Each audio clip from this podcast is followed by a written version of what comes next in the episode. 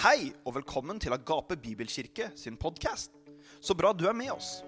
Her kommer du til å høre undervisning fra kirken, og uansett hvor du er, så håper vi dette budskapet vil inspirere, oppmuntre og velsigne deg. Men først, sjekk oss ut på Instagram, Facebook og på agapebibelkirke.no. Her er siste gudstjeneste fra Agape. Fantastisk. Har du det bra i dag? Så var det mange som ble nervøse for å ta quizen. da. Nei, Vi må ha litt humor. Det går veldig bra. Men eh, vi anbefaler alle å, å, ta en titt på det. Og det som er så fint med skolen, det er at du kan kombinere det med det livet du lever nå. Så det sier, du har arbeidsplassen din, du har skolen, du har alt det, men du kan også ta og sette av. Det er to år som du kan ta et år, eh, et år bibelskole på to år. Så det er veldig verdt å sjekke ut. Be over det. Om Gud eh, drar på hjertet ditt for å gjøre det. Hvis han gjør det, så syns jeg du skal hoppe på det. Du vet at eh, Jeg kan garantere deg én ting. Det er i hvert fall ikke fienden som prøver å få deg på bibelskole. Så, så jeg mener at alle troende eh, bør ha en investering i livet av bibelskole. Det handler ikke bare om å lære mer informasjon, men det handler om vekst og utfordre seg sjøl og ta steget ut. Så kjempebra. Eh, vi fortsetter på serien We Get to Serve.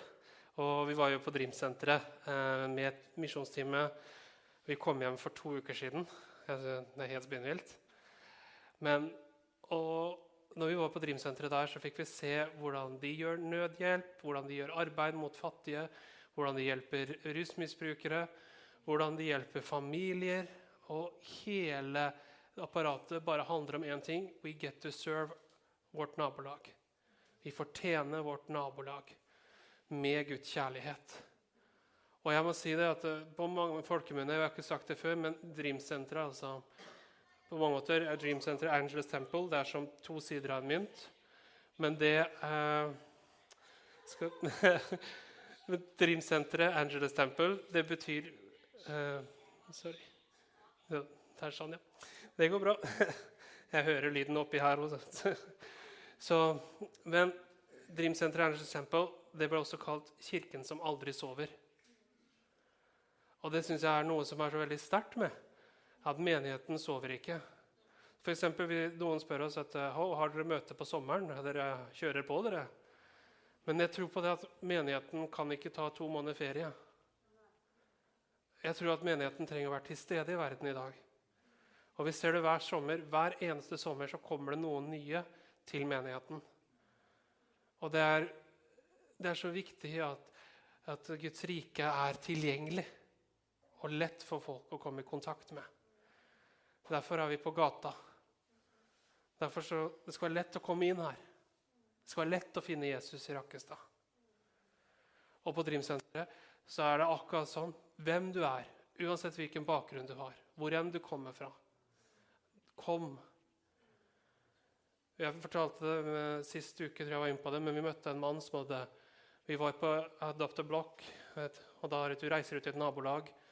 Du kommer og gir dem mat, du kommer og snakker med dem, du ber for dem hvis det er behov. Så møtte vi en mann som hadde blitt påkjørt av en lastebil.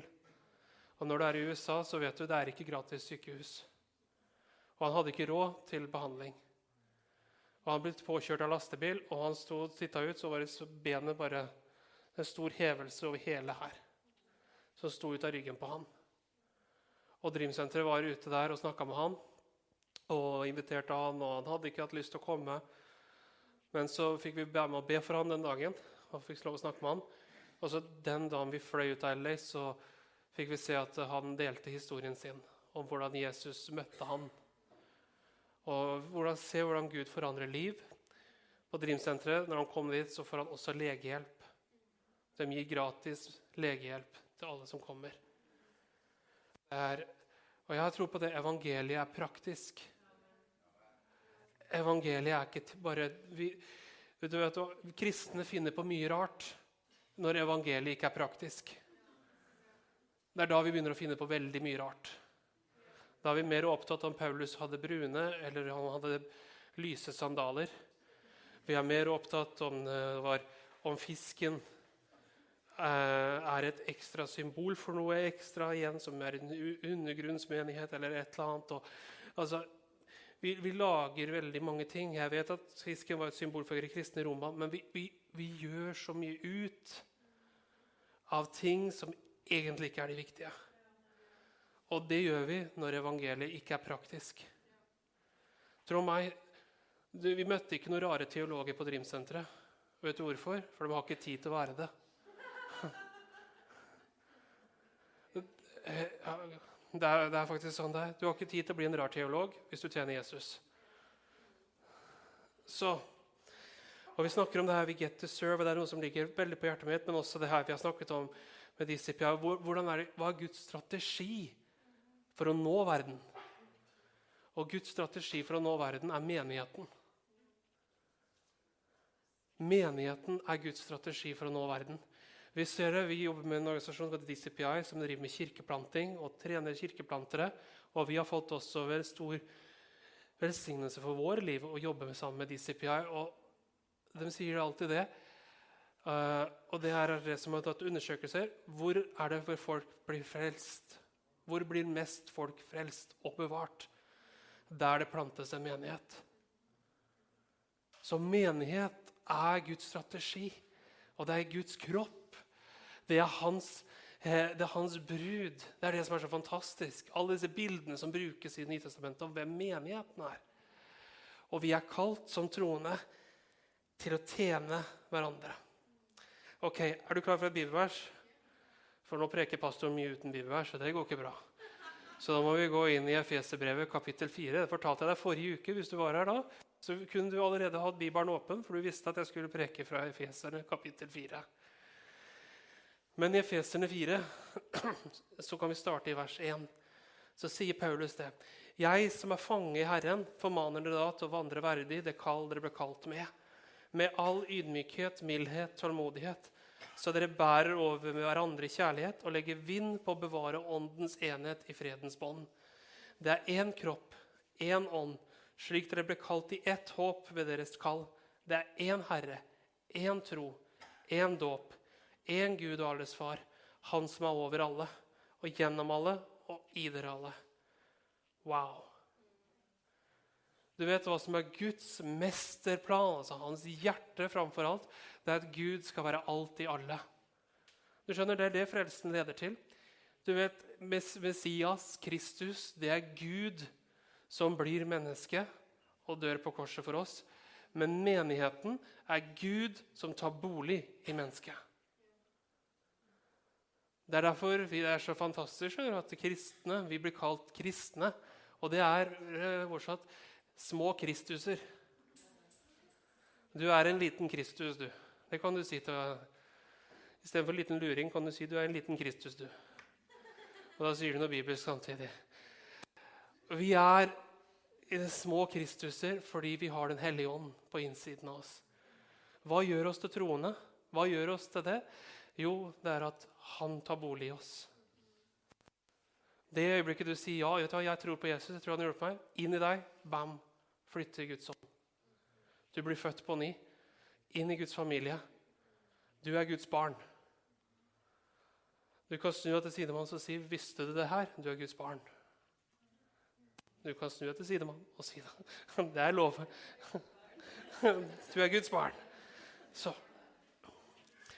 Og så sier Paulus her i Efeserne 4 én Herre, én tro, én dåp. alt det, så sier han, han snakker om en livsstil av hva som kjennetegner de troende. Han snakker her om menigheten. I begynnelsen han forteller at vi vandrer i ydmykhet mot hverandre, at vi tjener hverandre, at vi har kjærlighet mot hverandre. At vi legger vind på å bevare enhet i fred. Altså Det er en tanke av menigheten eksisterer ikke for meg. Men jeg er kalt, og jeg er en del av menigheten. Det er så fantastisk. Du vet, Vi nordmenn nå kommer Jeg til, jeg tråkker sannsynligvis på én eller to tær. Men det går veldig bra. Jeg lever veldig godt med det.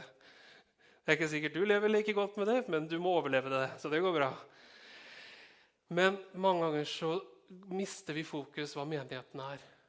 Vi behandler det gjerne på lik linje med de lokale foreningene i bygda. Og FOP, det er eh, Rakstad idrettsforening, det er Skaukameratene, og så har vi litt på Agape, og så har vi litt her. Jeg vet du hva, Det er en vesentlig forskjell på Rakstad idrettsforening. Jeg spilte for RIF, jeg syns fotball er kjempemoro. Men jeg vet at det er en stor forskjell på å spille for Rakstad idrettsforening. Nummer én, det er ikke noe spesielt bra fotballag, så du får ikke noe betalt for det. Og ikke ryker du opp. Så jeg får for å ta det først. Men det har heller ingen evig verdi. Så en evig verdi får vi kun når vi er der Gud vil ha oss. Vil Gud ikke ha oss i fotballag? Nei, det er ikke noe galt med fotballag. Men hold den viktigste tingen til det viktigste i ditt liv. Det er noe som faktisk eh, som står her Keep the main thing the main thing. Hold det viktigste det viktigste.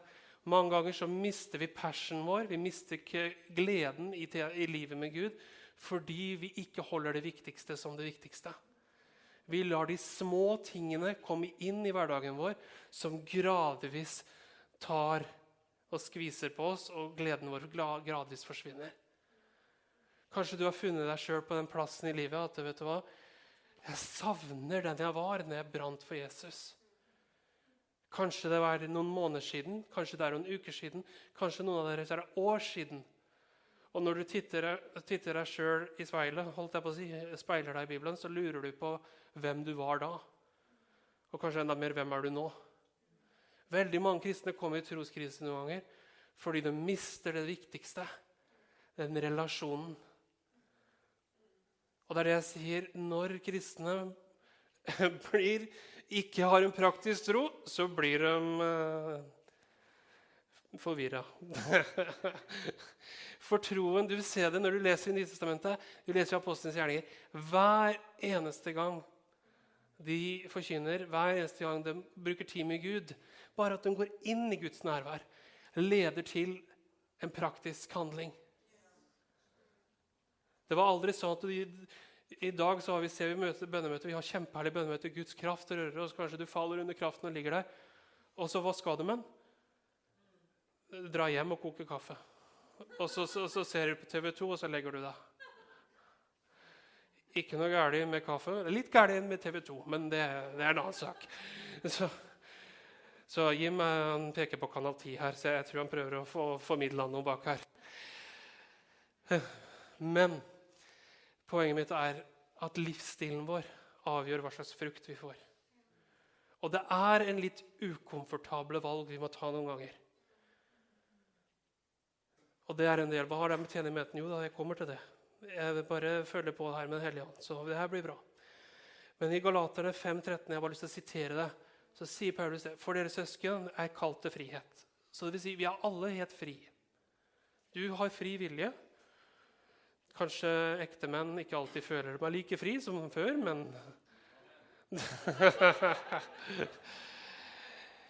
Men vi har alle fri vilje. Vi kan alle velge hva vi gjør med livet vårt. Om vi har lyst til å så dem inn i Guds rike, om vi har lyst til å bruke dem på oss sjøl, eller om vi har lyst til å bruke dem på noe destruktivt. Vi har alle fri vilje hva vi ønsker å bruke med livet vårt. Og så sier Paulus her vi er, for søsken, vi er kalt til frihet. Men bruk ikke friheten som en anledning for kjøttet. Kjøttet, det er deg, altså egoistisk. Men tjen hverandre i kjærlighet. Sett igjen i medsetning når vi kommer i menigheten. Hvorfor er vi i menigheten? Er vi her for å gi stilkarakterer? Er vi her når det bare gagner oss, når det er komfortabelt for oss? Eller er vi her for å tjene hverandre i kjærlighet? Den kjærligheten det snakkes om her, det er en type form av kjærlighet som gjør noe uten å forvente å få noe tilbake. Det er en tjenende kjærlighet som går ut av Guds hjerte.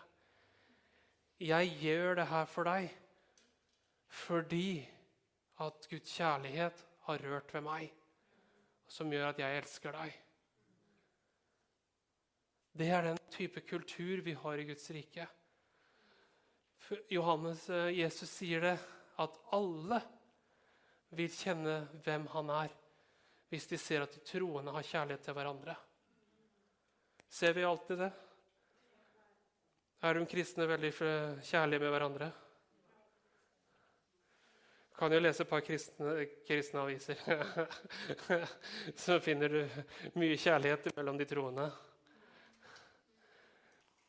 Så jeg, jeg setter litt ting på spissen her for deg nå, men vi er kalt til en kultur av kjærlighet. Vi er kalt til en kultur av å tjene hverandre. Og når vi snakker om menigheten og de her med Get to Serve og Dreamsenteret Det som slo meg veldig til i meg, var å se at det var autentisk. Det er ikke bare at vi smekker et slagord på veggen og sier 'We get to serve'. Jeg husker det, jeg fortalte det sist gang, men For en del år tilbake fikk jeg tolke for pastor Matthew Barnett, som er pastor på Angeles Temple Dream-senteret. Og jeg fikk tolke for ham. Og da husker jeg at jeg prata med han, og en av de tingene som jeg bare slo meg Han fortalte i prekena og litt til meg etterpå også, hvordan Gud hadde inspirert han til å tjene. Dette er lederen for Dream-senteret, og han måtte fornye hjertet sitt i tjeneste. Dette er en mann som har dedikert livet sitt til å gjøre dette. her. alle tenker er det lett å tjene for han? Selvfølgelig. Sa han, det var ikke det for han heller. Men det kreves en overgivelse som kommer der. Den første en overgivelse til Jesus. We get to serve Jesus. Vi får lov å tjene Jesus. Og det ut av den gleden der så kommer ønsket å tjene hverandre. Jeg har funnet det, Hvis jeg er opptatt av meg sjøl og alt av mine behov, og alt jeg har, så har jeg ikke så lyst til å tjene andre. Har du? Er det ikke deiligere å sitte hjemme noen ganger hvis du får en telefon klokka tre på natta? Åh. Spør noen andre. Jeg hørte det var en familie nede i gata som ikke har mat. Ja, det var trist, det. Ja, vi må be for dem, at de får mat. Vet du hva troen gjør for noe? Han går på butikken og handler mat.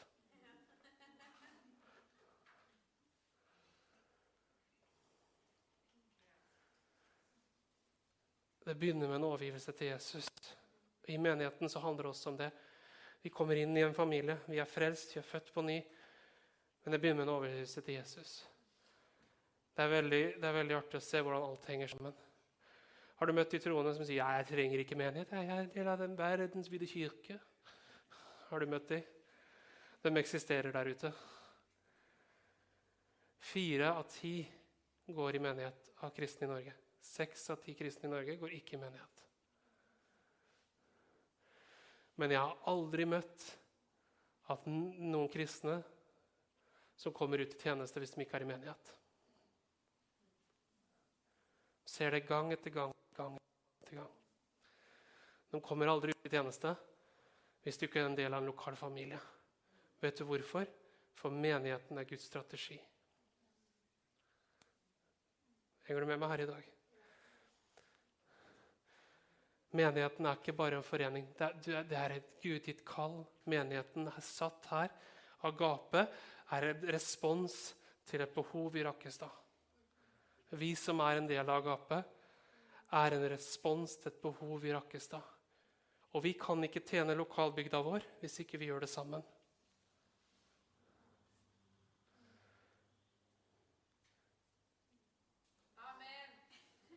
Det må være mer enn én person i dette rommet som er enig med det sitatet her. That's it. Sa du klar søknadene. Alle skal på bibelskole. Men vi er kalt til en livsstil av tjeneste for Gud og hverandre. Hør nå, Vi kan ikke tjene lokalsamfunnet våre hvis vi ikke engang er villige til å tjene vår egen familie. Og så mange kristne sliter med å tjene hverandre. Og så lurer de på hvorfor folk ikke tar dem seriøst.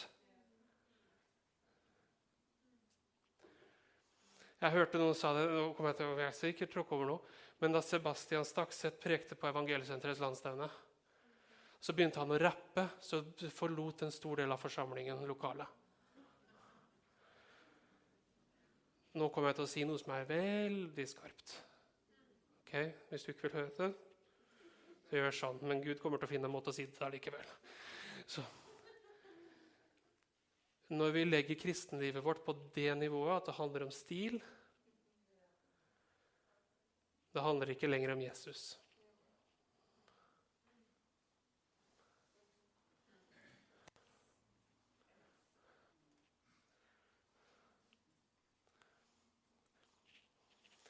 Jeg ville aldri satt dem på scenen engang.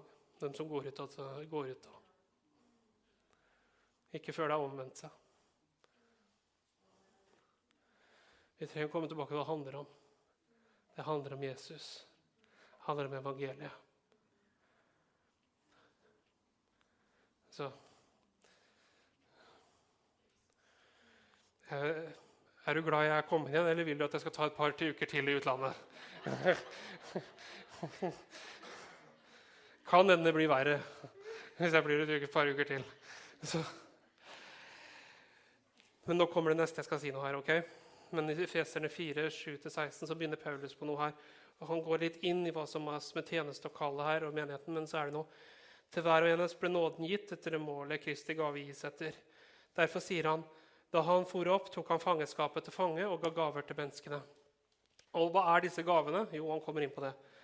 Han for opp, hva betyr det om han ikke først for ned til jordens lavere deler? Han som for ned, altså ned i det trykket, og opp igjen, som er Jesus, det er den samme som for opp til himmelen og for å fylle alle ting. Det er Jesus. Og han ga noen til å være apostler, noen til profeter, noen til evangelister, noen til hyrder og lærere. Han ga noen til å gi oss problemer. Han ga oss noen til å Nei. Men det er Han ga oss noen til å fornærme oss. Han ga oss noen til å, til å klø oss bak øret. Så Ja, OK. Gjør klar søknaden.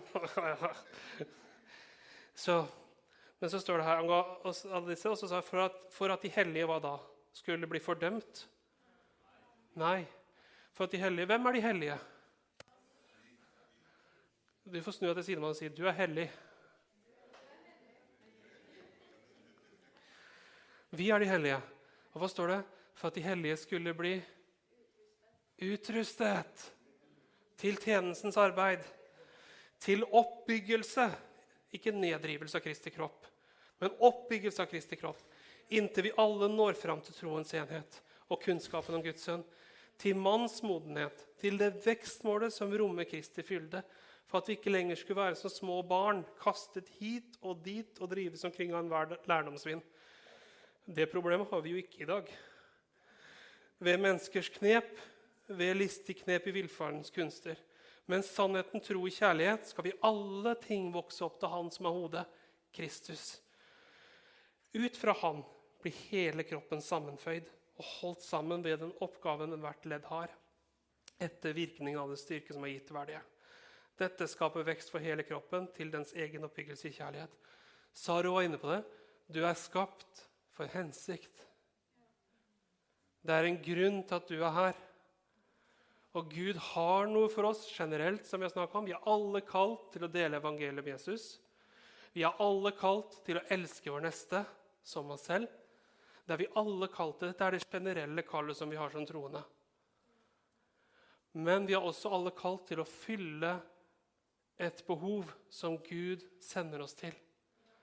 Det er veldig interessant, men hvis du begynner å be for noe, sannsynligheten er stor for at du er den som drar og fyller det behovet. Jeg er helt sikker på, Hvis du spør Jon Anne Berit, som har vært i Bulgaria Hvor mer de ber for Bulgaria, desto mer deres hjerter knytter seg til Bulgaria. Når du begynner å be for noe, så skjer det noe med hjertet ditt. Mer enn at det skjer noe med Gud, så skjer det noe med deg. Gud trenger ikke å motiveres til å frelse bulgarerne. Det er vi som trenges å motiveres for å gå dit og fortelle dem om Jesus. Henger du med meg her i dag?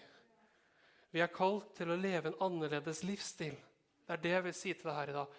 En livsstil av å tjene Gud, men å tjene hverandre, som igjen fører at vi kan tjene verden. Og vise dem hvem Jesus er. Og Gud satte i menigheten åndelig lederskap for å skape problemer, for at de skulle få seg store privatfly og store fordeler og gullslott. Da går det veldig dårlig med oss, hvis det er tilfellet. Nei, det er ikke sånn i hele tatt. Gud satte åndelig lederskap for å hjelpe enhver i menigheten å vokse. Har det alltid vært gode ledere? Nei, det fins dårlige ledere. Selvfølgelig gjør det det. Men Gud satte allikevel lederskap i menigheten mennesker av kjøtt og blod, som han har gitt nåde til å hjelpe deg. Det er én annen person i hele denne verden som også har fått den nåden. Vet du hvem det er? Det er ektefellen din. Det var en vits. Så. Men vi har fått nåde til å hjelpe. Men vi har ikke fått nåde til å bære. Du må velge sjøl. Vil jeg vokse med Gud? Vil jeg tjene andre? Det er et valg jeg må ta. Vil jeg vokse? Vil jeg tjene? Det må jeg velge sjøl. Pastoren min kan ikke velge det for meg. Husgruppelederen min kan ikke velge det for meg. Jeg sjøl må velge hva skal jeg gjøre med livet mitt. Vil jeg tjene han, eller vil jeg tjene meg sjøl?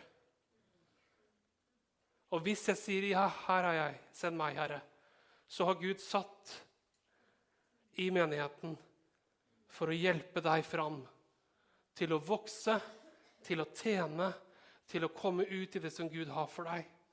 Men du må velge det sjøl. Ingen kan ta det valget for deg. Veldig ofte så hører jeg jeg skulle tjent Gud, men hadde ikke vært for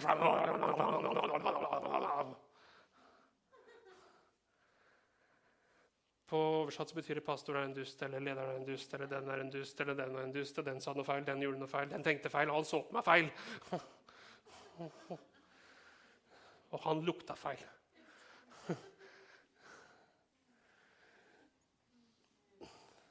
Vi må sjøl velge om vi vil vokse.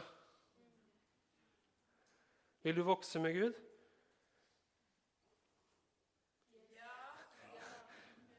Hallo, er, det noen til stede her i dag? Jeg føler jeg er alene. Hallo, hallo, hallo. Vil du vokse med Gud? Yes. Dette betyr ja. Dette betyr nei. Er du fransk, så kan du si oui. Det går bra. Jeg skjønner fortsatt hva du mener nå. Men vi er alle kalt til å vokse, men vi må sjøl velge om vi vil det. Og hør nå, I det øyeblikket du sier ja, jeg vil vokse, så sier du også ja til å ha det litt ukomfortabelt. Du kan jo sammenligne sånn at du vokste opp hjemme, så kan du si du må spise grønnsakene dine. Det vil jeg ikke. Du må spise grønnsakene dine. Rydd rommet ditt. Vær snill mot vennene dine. Du kan ikke kaste pinner på dem. Med andre ord Omvend deg fra en ugudelig livsstil. Elsk din neste. Og du må gjøre ting du ikke liker. Folk tenker ja, men tjeneste jo, handler jo om hva jeg vil. At det handler om at jeg og Gud finner sammen en hva jeg liker. Nei, å, nei, nei, nei, nei. Du kommer, du kommer til å gjøre masse ting du ikke liker. Og det er masse ukomfortabelt. Men er det verdt det? Absolutt. Og som når Gud setter åndelige ledere i livet vårt, så har vi en fri vilje og hva vi vil gjøre med det. Men jeg anbefaler deg å la dem få lov til å hjelpe oss. Vi kan få første av Monica her. får du se et enda større bilde av Monica. Det er ikke Monica.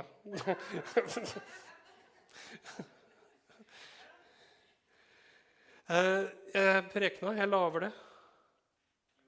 Yes. Jepp. Den var iallfall i mappa.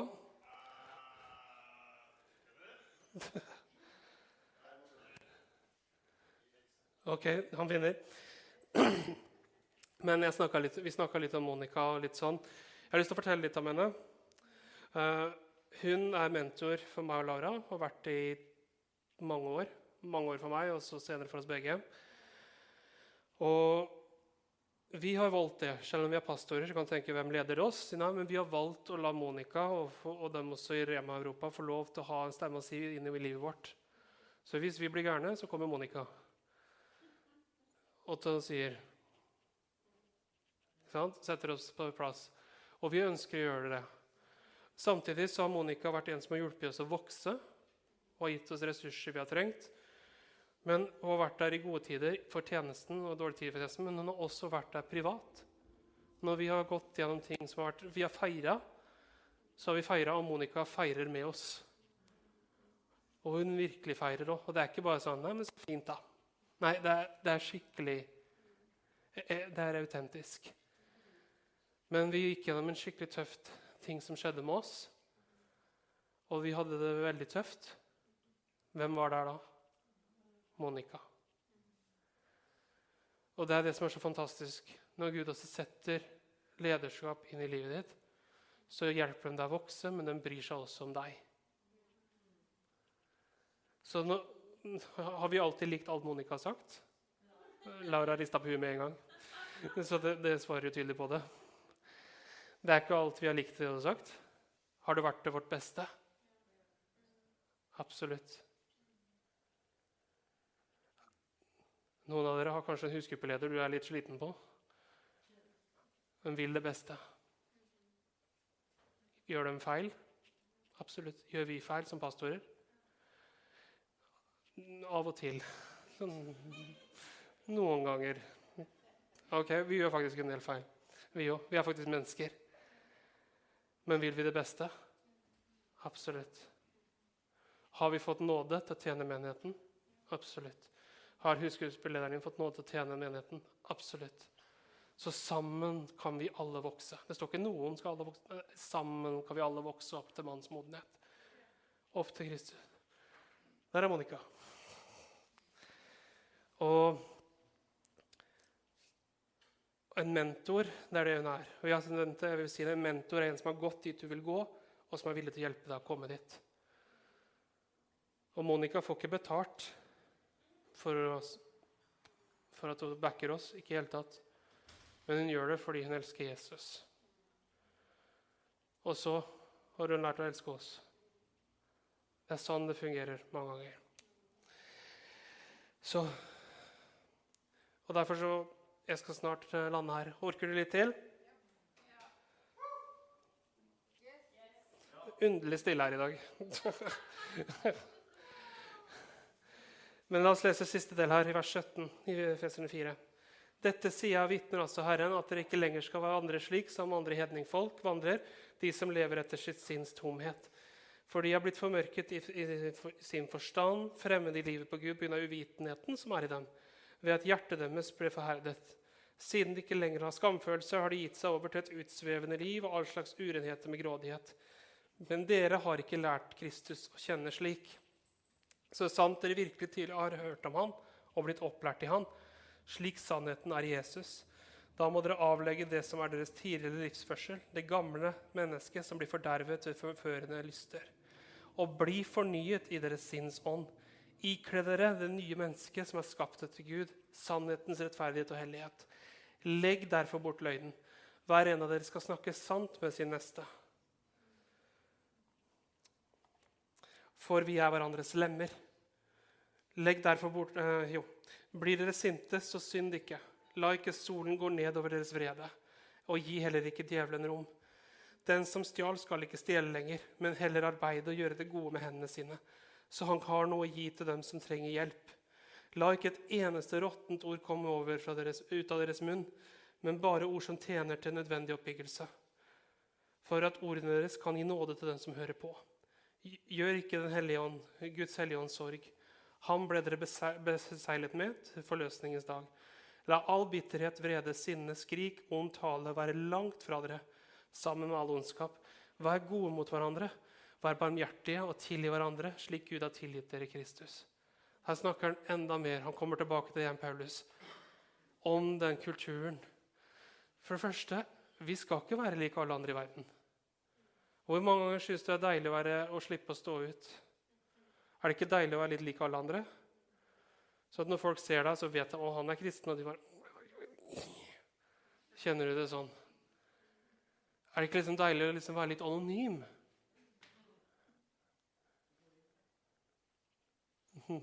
Nei, det går ikke. og Man kan føle på alle disse tingene, men hver gang vi velger den lette veien, så avviker vi fra den veien som Gud har for oss. Nå vil du sikkert at jeg skal slutte å dra en uke til i utlandet, eller et eller annet sånt, for jeg kommer inn på her nå. Men det er her det ukomfortable kommer. Vi snakker ikke, Når andre preker sladder og dårlig om noen, så gjør ikke vi det samme. Vi ser mennesker sånn som Gud ser dem. Det er sånn Paulus, kaller, Paulus snakker om hvordan Gud kaller oss til å gjøre det å leve en annerledes livsstil. Ikke en livsstil som alle andre lever. Når familier kommer og besøker deg, eller når noen sender barna sine til å leke med barna dine, så, så, så kommer barna inn, og så merker de det er noe. I den menigheten vi var nå, så fikk vi høre noen fantastiske vitnesbyrd. Hvor de har kommet ut av den mørkeste depresjon og møtt Jesus og blitt frelst. Og det begynte med at de bare kom inn, og de kjente her er det noe annerledes. Her var det noe annet. Og de så meg som et menneske. De så, de så ikke bare hva jeg kunne bidra, liksom gi til dem, men de så meg. Mennesker lengter etter det her. Tjeneste må være autentisk, ekte. At vi ser mennesker. Vi ser ikke bare et nummer, vi ser ikke bare uh, en fasade, men vi ser hvem folk er. Og det er vi alle kalt til å gjøre for hverandre. Jeg tror alle lengter etter å bli sett, uansett hvem de er og hvor de kommer fra. Alle lengter etter å bli akseptert. Og Guds kjærlighet er sånn. Den ser mennesker der de er, aksepterer de og løfter de ut av det som var vondt, og inn i det han har. Det er en livsstil som er annerledes. Jeg har lyst til å dele en historie til. Orker du det? Nå skal jeg fortelle deg om kona mi. og visste ikke noe om det her. Så spurte hun meg den morgenen kan du fortelle meg om prekena. Jeg bare, det blir litt sånn her og litt sånn her. Og, og hun bare Åssen skal det her gå? Nei da. Men har du det andre bildet, David? Så det betyr at han har det. Så Cario-familien. Jeg skal faktisk snakke om dem alle fire. Fordi det er en familie som tok et veldig annerledes valg, også i meksikansk setting. Du liker ikke at jeg gjør det her nå, jeg vet det. Men det er viktig, for det er en fantastisk historie om, om hvordan velge det ukomfortable og faktisk gi livet sitt til Jesus. I 2006 så dro familien Carillo til Frankrike og hadde i hjertet at hun ville bli misjonærer der. Og de hadde sett for seg en del ting. Menigheten de gikk i, pastoren, eh, så flere eh, utfordringer og at de ikke kunne sende dem. Så de ikke sendt, de ble ikke sendt til Frankrike. Og de dro tilbake til Mexicali. Og så sa pastoren da i menigheten men dere kan få plante en menighet med misjonshjerte. Så du skjønner, det er Manuel og Manuel og Laura og Laura. Så for, uh, for, at du skal henge med meg på det her Det er nok i vår familie. Men for at du skal henge med, så blir det pappa Manuel og mamma Laura. Ok? Så pappa Manuel og mamma Laura de dro tilbake til Mexicali, og mange kunne da sagt vi fikk ikke gjennomført det vi hadde på vårt hjerte. Og så kunne man satse tilbake. Vi ble ikke misjonærer. Vi ville gå, men vi ble ikke det. Da trekker vi oss ut av menigheten. Da gjør vi sånn, Nei, vet du hva? De var andre pastorer i den menigheten og tjente under denne pastoren. Til pastoren sa jeg vet at dere har hjerte for misjon, og menigheten her ikke gjør akkurat sånn. Så jeg sender dere nå til å plante en menighet her i Mexico. Så da planta de Vastago, som er menigheten vi besøkte nå med misjonsteamet. Og når de planta menigheten, så planta de med hjertet at det skulle være en misjonærsendende menighet. Jeg mener Du er vel den første? Den første misjonæren de sendte, var dattera si. Den eldste dattera si. 22 år så flytter Laura fra Mexico til Tyskland for å tjene Gud på fulltid misjonær. Du har fullført utdannelsen din. Du får ikke bruk for utdannelsen din i Europa. Men du har sagt ja til å tjene Gud på misjonsfeltet. Du drar dit uten å være dekka 100% på lønn. Du går i tro, men du har det du klarer da. Og du sår livet ditt inn i Europa.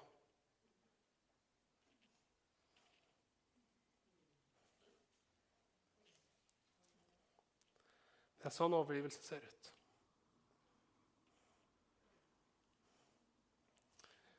Foreldrene hennes sender henne. Det er ikke snakk om å flytte fra Norge til Sverige. Selv om det er ille nok. altså. Sverige. Men du snakker om å flytte halve verden. Ja, men det er en oppgradering. Så Men hun flytter fra, til Tyskland, som er en helt annen kultur, helt annet språk. Første halvåret de, de oversetter ingen av medarbeidermøtene. Så Laura må lære seg tysk mens de holder møter. Og det er hennes ansvar å finne ut hvilke oppgaver de gir henne. Dette er sånn det fungerer i Tyskland. Tyskland er et av de hardeste landene i verden å flytte til. Det er det verdens vanskeligste førerkort å få. Og hun tok lappen der. Du klarer deg ikke på misjonsfeltet hvis ikke du er overgitt. Foreldrene hennes sender henne når vi blir kjent, og vi dater og etter hvert bestemmer for å gifte oss, så betyr det også at Laura flytter ikke tilbake. All slekt og familie er i Mexico har blodsbånd. Men Laura har tatt et valg om å følge Jesus. Og da kan du tenke deg, Nå har Carillo-familien én sønn igjen som er i Mexicali. Og vet du hva de gjør med han? De tar med seg han til Kirgistan så sier de, her skal du være et år. Den Nestemann de sender, er sin eneste sønn som er igjen, og sender, han sender dem enda lenger. Til Kirgistan. Å tjene Gud på misjonsfeltet. Det er en overgivelse til Jesus. Begge er voksne. Alt det når det her skjer. Men det er en overgivelse fra en familie å si vet du hva, våre liv dem gir vi til Guds rike. Og hvis du spør Laura har det vært verdt det ja. Men det har en pris, og det har en kostnad. Men det er noe med det at dette er overgivelse. Du setter Jesus og hans sak foran ditt eget liv. Det betyr noen ganger at du ikke har absolutt like mye penger som du kunne tenkt deg. Kanskje ikke akkurat den jobben som naturligvis du hadde utdanna deg for. Kanskje ikke at du hadde bodd akkurat der du hadde tenkt at du kunne bo. Men overgivelse handler om et liv hvor du har gitt deg sjøl til Jesus først. Og er det verdt det?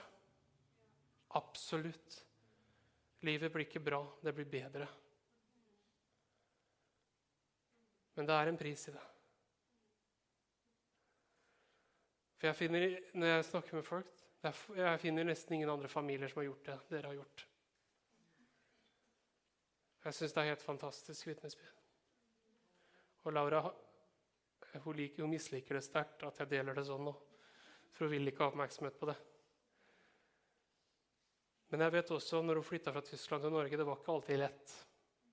Det er ikke fordi det er noe galt med nordmenn, men det er svensker i nærheten, og det er i Nei.